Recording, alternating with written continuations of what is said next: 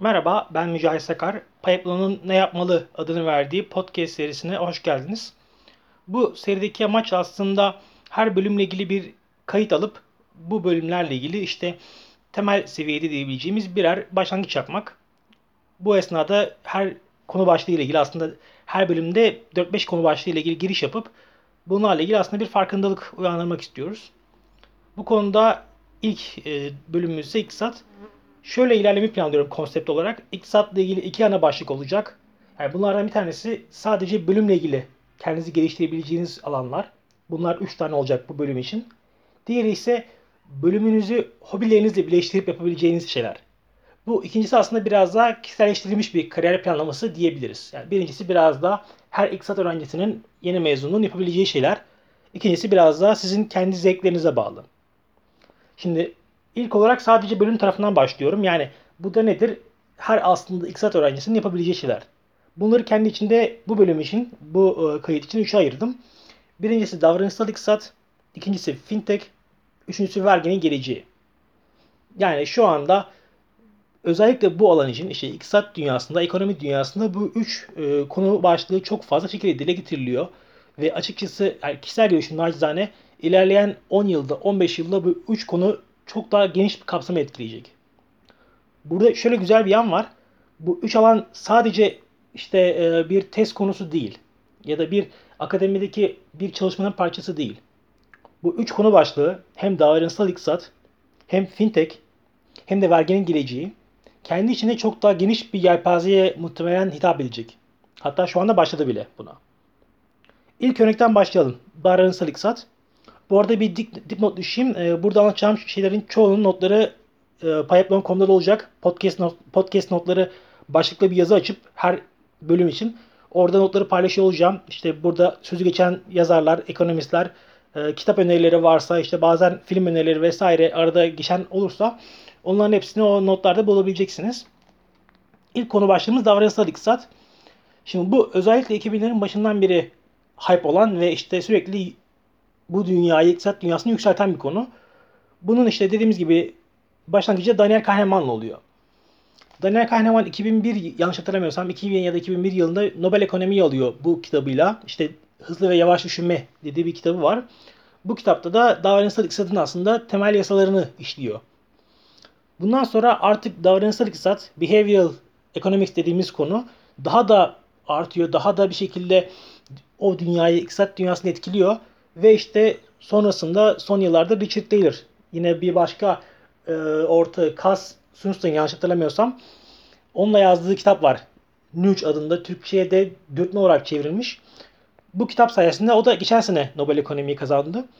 Yani aslında şu anda o dünyanın ciddi bir şekilde davranışsal iktisada karşı bir albinisi var. Burada aslında şöyle bir durum var. Yani niye bu kadar ilgi gösteriliyor? Niye bu kadar Kahneman'dan beri bu davranışsal iktisat alanı ayrı bir önem kazandı? Bunun da temeli aslında şu. Özellikle müşterileri anlama konusunda şirketlerin ciddi bir çalışması var. Yani müşteri ne istiyor? Biz müşteriye ne sunmalıyız? Satın alma alışkanlıkları nereye gidiyor? Özellikle de 2000'lerden beri bu çok daha fazla şekilde dile getiriliyor. Ve zaten aslında şöyle bir gerçek de var. Ee, bu tarz ödül törenlerinde Nobel Ekonomi olsun, Nobel Kimya olsun şirketlerin bir lobi çalışmasının da sonucu var. Yani bu nasıl oluyor? Şirketler diyor ki ya kardeşim benim böyle bir sıkıntım var. Ben müşterinin ne istediğini anlamıyorum. Bana bu konuda çözüm getirin. İşte işletme dünyası, atıyorum iktisat dünyası bütün bunlar da bu nedenle bu işletmelerin bu ihtiyacından dolayı buraya biraz kanalize oluyor. Ve bunun sonucunda da bu alanda etkili çalışmalar olunca dolayısıyla Nobel ekonomide biraz da o taraflara doğru meyilli oluyor. Nobel gibi ödüller.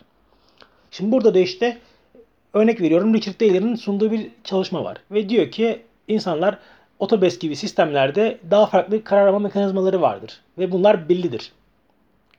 İşte eskiden şey vardı ya meşhur iktisat dünyasında homo economicus işte rasyonel karar alma, işte insan sadece rasyonel çizgiler içerisinde karar alır vesaire. Bu davranışsal iktisat dünyası bunu biraz daha değiştirdi. Ve dediler ki kardeşim bu böyle değil. İnsanlar sadece rasyonel karar almak zorunda değiller. Bazen irrasyonel kararları seçebilirler. Bugünkü işte LinkedIn gibi, Spotify gibi, Netflix gibi sistemlerin üyelik modelleri de biraz bununla ilgili aslında. Çünkü o karar alma mekanizmalarının daha farklı işlendiği artık ortaya çıkıyor. Bu yüzden en mantıklı olan değil. Mesela bu tarz e, işte LinkedIn dedik. Öte yandan Netflix dedik. Bu ikisinin özelliği de 3 farklı paket sunması. Gerçi Netflix şu an biraz daha bir galiba ek paket daha başlattı. İşte sadece cep telefonunda izlenecek gibi ama onu hariç tutarsak o çünkü biraz daha junior bir üyelik paketi. Bunun dışında genellikle sistemler hem işte spor salonları gibi real dünyadaki sistemler hem dijital dünyadaki sistemler 3 farklı üyelik modeliyle ilerliyor. Bu da aslında mesela davranışları iktisadın bir yansıması. Niye? Çünkü galiba Daniel Kahneman bundan bahsediyordu. 3 farklı sistem sunduğunuzda insanlar genellikle ortadaki sisteme daha kanalize olurlar. Daha ona benimserler, onu benimserler ve o doğrultuda ilerlerler. Bunu bildiği için de şirketler, işte işletmeler, dijital servisler biraz daha buna ilerliyor. Şimdi bu da neyi beraberine getiriyor? Demek ki satın alma davranışlarında sadece mantık gerekmiyor. Bazen o davranışsal iktisatın kendi içindeki farklı planlamaları da bir şekilde bizi etkileyebiliyor müşteri olarak. E bu nedenle şu anda ciddi bir şekilde yükselişte ve halen muğlak kalan çok ciddi noktalar var. Hatta aslında şöyle söyleyeyim yani şu ana kadar 18 yılda geldiğimiz nokta, Kahneman'dan Richard Taylor'a kadar geldiğimiz nokta sadece belli noktaların belirlenmesinden ibaret. Yani bunun daha altı doldurulmadı. Atıyorum işte bir müşteri nasıl tam detaylı karar verebilir? Biz gerçekten beynimiz bizi belli bir şeye yönlendiriyor mu? Yoksa biz kendi sezgilerimizle mi hareket ediyoruz? Bu sezgiler ihtiyacın türüne göre değişiyor mu? İşte zorunlu ihtiyaçta farklı bir karar alma sistemimiz mi var? Ee, hobilerde farklı bir sistemimiz mi var? Bütün bunlar değişiyor. Muhtemelen farklı olduğunu artık anlıyoruz ama nasıl bu kararları veriyoruz? Kimse bilmiyor şu anda. O yüzden bu dünyada ciddi bir şu anda boşluk var. Ve bir iktisat öğrencisi hem akademi tarafında hem de işletmeler üzerine bunu ilerletebilir. Ya bunu yüksek lisans tezi olarak da hazırlayabilir. Bir pazarlama departmanına girip orada da belirleyebilir. Yani bu tamamen aslında biraz kişilere ve koşullara kalmış bir durum. Ama bu bir başlık olarak bence bir şekilde not defterinizde yer almalı ve bir şekilde bununla ilgili okumalar yapmanızı öneririm acizane. İkincisi fintech konusu.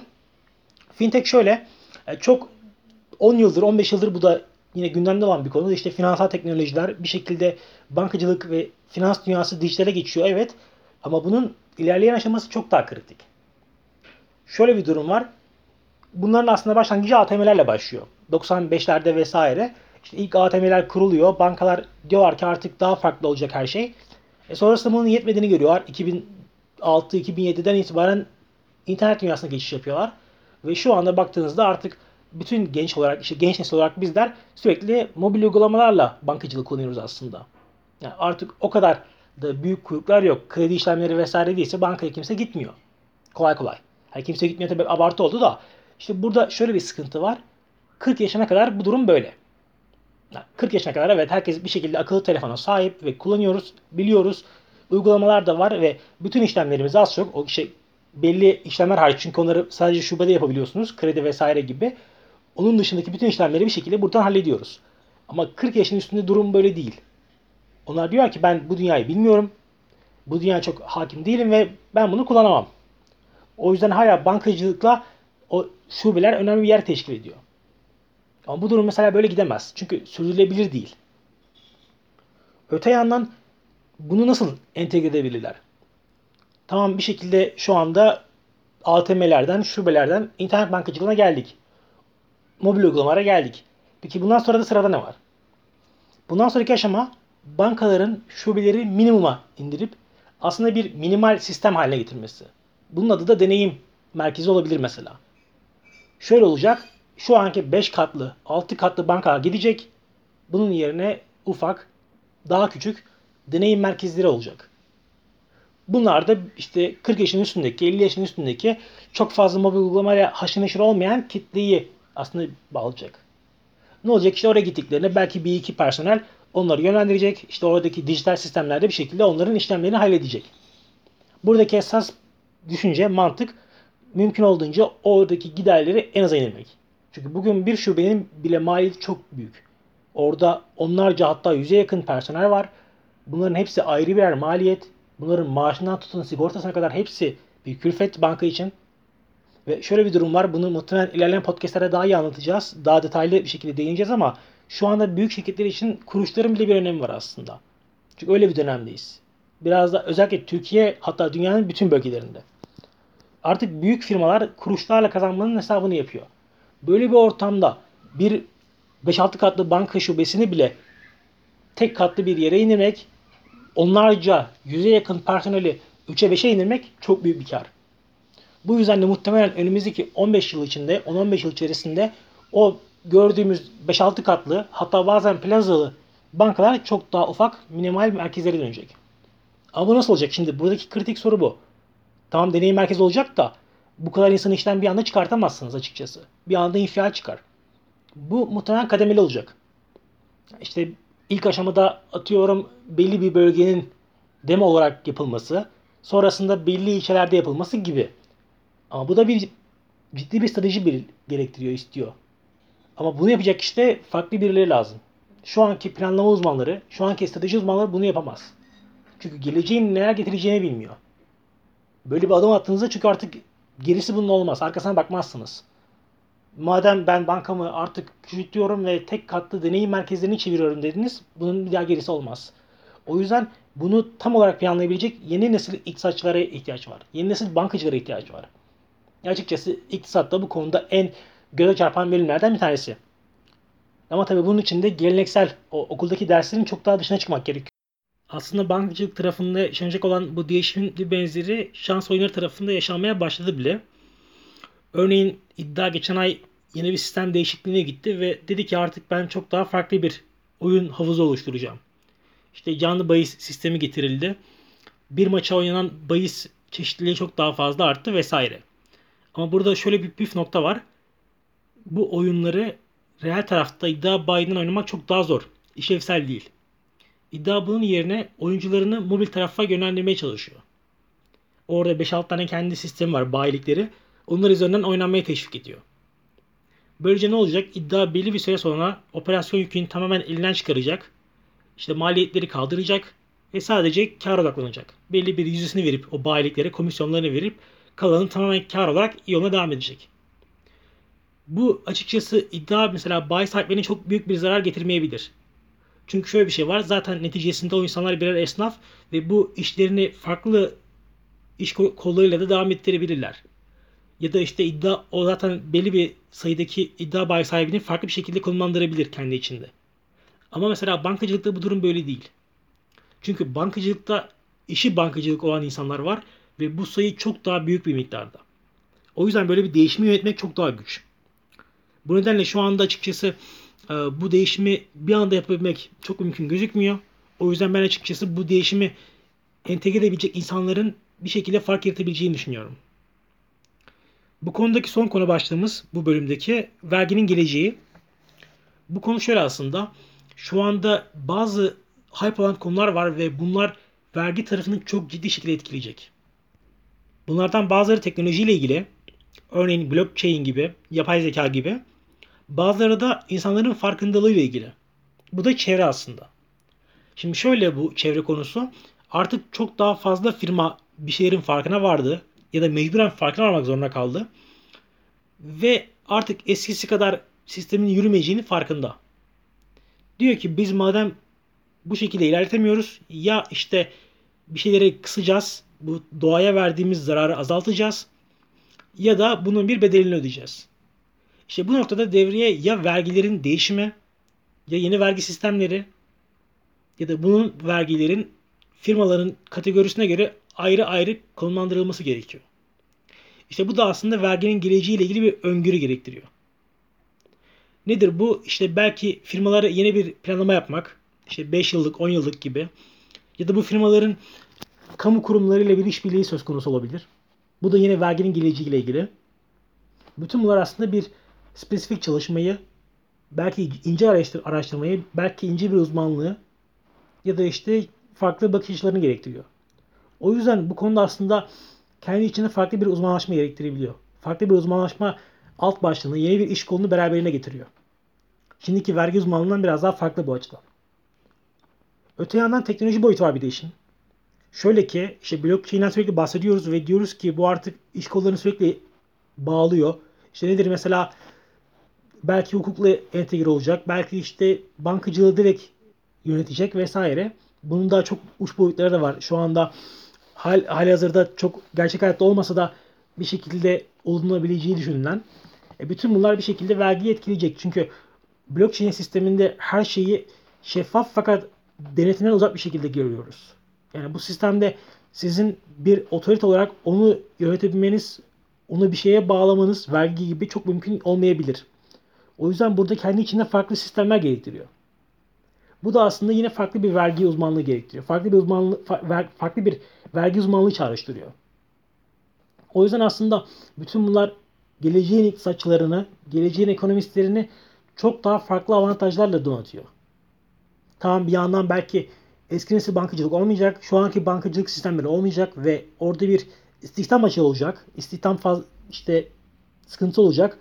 Ama öte yandan böyle avantajlar da var. Ve burada fark yaratan insanlar şu anki ortalama memura göre, ortalama bir bankacıya göre çok daha farklı yerlerde konumlanacak. Hem itibar olarak hem de hayat standartı olarak. O yüzden bu da mesela yine farklı bir araştırma konusu olabilir. Hatta bunu şöyle söyleyeyim. Şu anki vergi denetim firmalarının neredeyse tamamı işte Deloitte olsun, KPMG olsun, diğerleri olsun aklıma şu an gelmeyen firmalar hepsi bu konuda raporlar hazırlıyor. Ve diyor ki kardeşim bu vergi artık bu şekilde ilerleyemez. Devletin işte kendi belirlediği koşullarda özel sektörü, işte kamu kurumlarını, girişimleri bir belli bir sisteme tabi tuttuğu vergi sistemi sürdürülebilir değil. Yani bu şekilde ilerleyemez. Burada bütün mekanizmaların bir araya gelip bir ortak çatı oluşturup, ortak bir yapı oluşturup bunu işte her şeyi belirlenerek, noktaları konuşularak anlaşılması gerekiyor. E, bunu da aslında yine entegre edecek olan sizlersiniz. Yani iktisatçılar, belki işletmeciler, çalışma ekonomistleri gibi. Çünkü bu konu başlıkları biraz daha şey, yani böyle çok stabil olmayan, kendi içinde geçişkenlik yapabilecek olan alanlar. O yüzden de aslında yine burada size farklı bir rol düşündüğünü aslında gösteriyor. Ve bunun havada kalan bir ütopik söylem olmadığını bu raporlardan anlıyoruz. Çünkü bu firmalar aslında şu anda kendilerini hazırlıyorlar. Vergi denetim firmaları diyor ki tamam biz kalıcı köklü firmalarız. Şu anda çok büyük firmayız. Ama geleceğimizi kontrol etmek için şimdiden bunları hazırlamamız, öncülük etmemiz gerekiyor. Ve aslında bizler de şu anki otorite oldukları için bir şekilde onları önce olarak kabul ediyoruz aslında. Ve onlar da bunu bir şekilde izah ediyorlar. Bunun bu durum böyle olmayacağını, vergi sisteminin değişmesi gerektiğini, en azından gelecekte değişeceğini bize söylüyorlar. E bunun da aslında öncülüğünü yapacak olan kişilerden bir tanesi de dediğim gibi bu bölümün sahipleri. Bu bölümün okuy öğrencileri, mezunları. Bu sadece bölüm tarafı böyle. Bir de işin bölüm artı hobi tarafı var.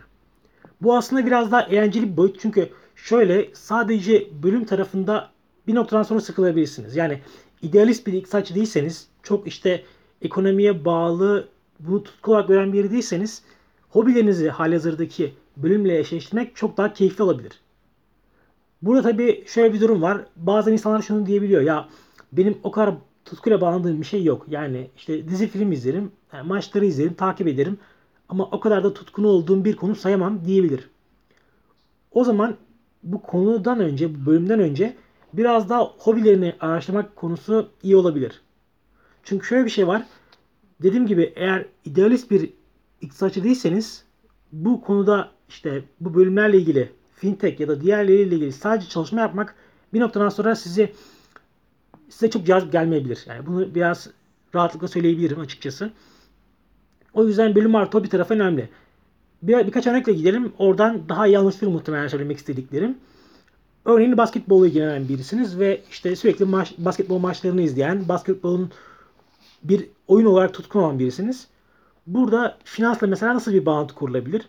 Şöyle, bankalardan demin bahsettik. İşte artık işlevleri değişiyor. Birer deneyim merkezi haline geliyorlar. Birer işte teknoloji firması haline geliyorlar gibi. Şimdi burada mesela basketbola bir entegrasyon olabilir. Şu anda bu sponsorluklarla ilerliyor. İşte belli bankalar, belli kulüplere, belli takımlara sponsor oluyorlar. İsim sponsor olarak ya da işte tedarik sponsoru olarak. İlerleyen yıllarda basketbol kulüplerinin veri tarafındaki ihtiyacını karşılayabilir. Ya da veri dışında farklı teknolojik konularda teknolojinin farklı evrelerinde yine işbirliği yapabilirler. Bu bence ilerleyen yıllar için klasik ödeme mantığına göre, klasik sponsorluk sistemlerine göre daha iyi bir yöntem. Çünkü böylece bankalarda aslında yaptığı yatırımların karşılığını daha iyi görebilecek. Bir de şöyle bir durum var. Bankalar artık şimdiki gibi klasik bir finansal kuruluş olmaktan öteye geçip aslında birer teknolojik firma haline gelecek. Teknoloji firması, teknoloji devi haline gelecekler. O yüzden bu tarz işbirlikleri işte teknolojik altyapılara dayalı işbirlikleri onlar için de bu konuda daha iyi bir araç olabilir. E, kulüpler tarafından yönelirsek zaten onların da böyle bir ihtiyacı var. Tamam finansal ihtiyaç her zaman var. Onu kabul ediyorum. Ama böyle bir ihtiyaç daha onlar için pragmatist olabilir. En azından bankalar tarafında. Bu nedenle ben açıkçası şöyle düşünüyorum kişisel olarak yani bu boyut işte teknolojik işbirliği, teknolojik paylaşım boyutu bankaları basketbola yönelme konusunda daha da motive edebilir. Çünkü bir de şöyle bir şey var. Şu anda o tarafa giren bankalar işte basketbola, voleybola, işte çeşitli işbirliğine giren bankalar nispeten daha büyük ölçekli ve işte belli bir büyüklüğün ötesindeki firmalar. Ama bunun dışında daha küçük ölçekli banka yapıları ya da finansal kuruluşlar da bu boyuta gelebilirler. Bu tarafa evrilebilir. Öte yandan mesela işte basketbol tarafı böyle. Öte yandan mesela oyun tarafı var. İşte örnek veriyorum dijital oyunlarla çok ilgilenen birisi için bunun muhasebe tarafında bir işbirliği yapılabilir. Ne gibi? İşte bir dijital oyun içerisinde onun farklı kalem gelir kalemini oluşturmak, farklı muhasebe türlerini oluşturmak kendi içinde olabilir. Ya da ters mantık. Gamification işte oyunlaştırma mantığının muhasebe programlarına gelmesi de olabilir. Bu da mesela ayrı bir işbirliği boyutu. İşte muhasebe şu anda programları çok e, insanı cezbetmeyen belli açılardan sıkıcı programlar. Zaten muhasebe açıkçası alanının kendisi öyle bir noktada. Ama bu oyun mantığını oraya yerleştirilebilirse ki bu şu anda eğitim dünyasında yapılmaya çalışılıyor Minecraft aracılığıyla. Böyle bir işbirliği çok daha yüksek getiri sağlayabilir. Öte yandan mesela edebiyat tarafı var. Edebiyatta bu işbirliği nasıl olur? İşte şu an zaten edebiyat dünyasının en büyük problemi o giderlerin çok yüksek olması. İşte basılı yayınların vesaire. Şimdi bunu daha alt boyuta çeken finans stratejileri olabilir mi? Neden olmasın? Bu belki dijital yolla olur. Belki başka şekillerde olur. Ortak paylaşımlar vesaire. Bu şekilde farklı pazar arayışları mesela yine getirilebilir. Öte yandan benim en çok üzerine kafa yorduğum konulardan bir tanesi bağış ve blockchain konusu. Şimdi şu anda insanların bağış yapmadaki en büyük çekincesi şu. Benim araş, gördüğüm kadarıyla, araştırdığım kadarıyla insanlar güven konusunda bir problem yaşıyorlar. Özellikle Türkiye'de. Deniyor ki ya ben bu bağış yapacağım ama bunun nereye gittiğini bilmiyorum. Şeffaf değil karşımdaki kurum. Araştıramıyorum. Blockchain mantığını mesela STK'larda işte çeşitli kurumlarda eğer bu şekilde entegre edilebilirse başarıyla oradaki bu veriler çok daha şeffaf bir şekilde insanlara ulaşabilir. Ve böylece hem şeffaf bir şekilde paylaşılır hem de o bağış yapan insanlar derneğin içerisinde aktif rol alabilirler. İşte çeşitli seçimlerde, oy kullanımlarında vesaire. Hatta bununla ilgili yazım vardı Pipeline.com'da. Bu aslında Ferrol kampanyası ile ilgiliydi ama bunu diğer STK işin STK çalışmaları için de çevirebiliriz aslında. Mesela o da ayrı bir çalışma boyutu. O da eğer şunu diyorsanız ben STK tarafında çalışmak istiyorum. Ben sosyal sorumluluk meraklısı bir insanım. Bu da mesela tabi bir yandan teknoloji merakı da gerekiyor. Bir iktisatçı için böyle bir işbirliği çalışması da yapılabilir pekala. Özellikle şu anda belli holdingler, işte Türkiye'nin büyük holdingleri kendi STK'larında bunları kurmaya çalışıyor. Çünkü buradaki motivasyonları şu. Biz böyle bir öncülük yaparsak bu dünyadaki şey iş dünyası tarafındaki ağırlığımızı STK tarafına da yansıtabiliriz. Ne yapmalı podcast'inin iktisat bölümüne dair söyleyeceklerim genel olarak bu şekilde. Tabii bunun gibi çok daha fazla alt başlık bulabiliriz. Hem sadece bölüm tarafında hem de bölüm artı hobi tarafında. Zaten o yüzden iktisat bölümünün diğer yayınlarında da muhtemelen o diğer başlıklara değinmeye devam edeceğiz. Tabii bu süreçte sizler de kendi bölümünüzle ilgili, işte kendi hobilerinizle ilgili bu şekilde soru işaretleriniz varsa ya da işte merak ettiğiniz konu başlıkları varsa geleceğe dair e, potansiyelini merak ettiğiniz onları da bize iletişim.payaplan.com mail adresinden ya da Instagram adresine DM yoluyla iletebilirsiniz. O sorularınızı da yine aynı şekilde diğer bölümlerde yanıtlamaya devam edeceğiz. Önümüzdeki programlarda buluşuncaya dek hoşçakalın.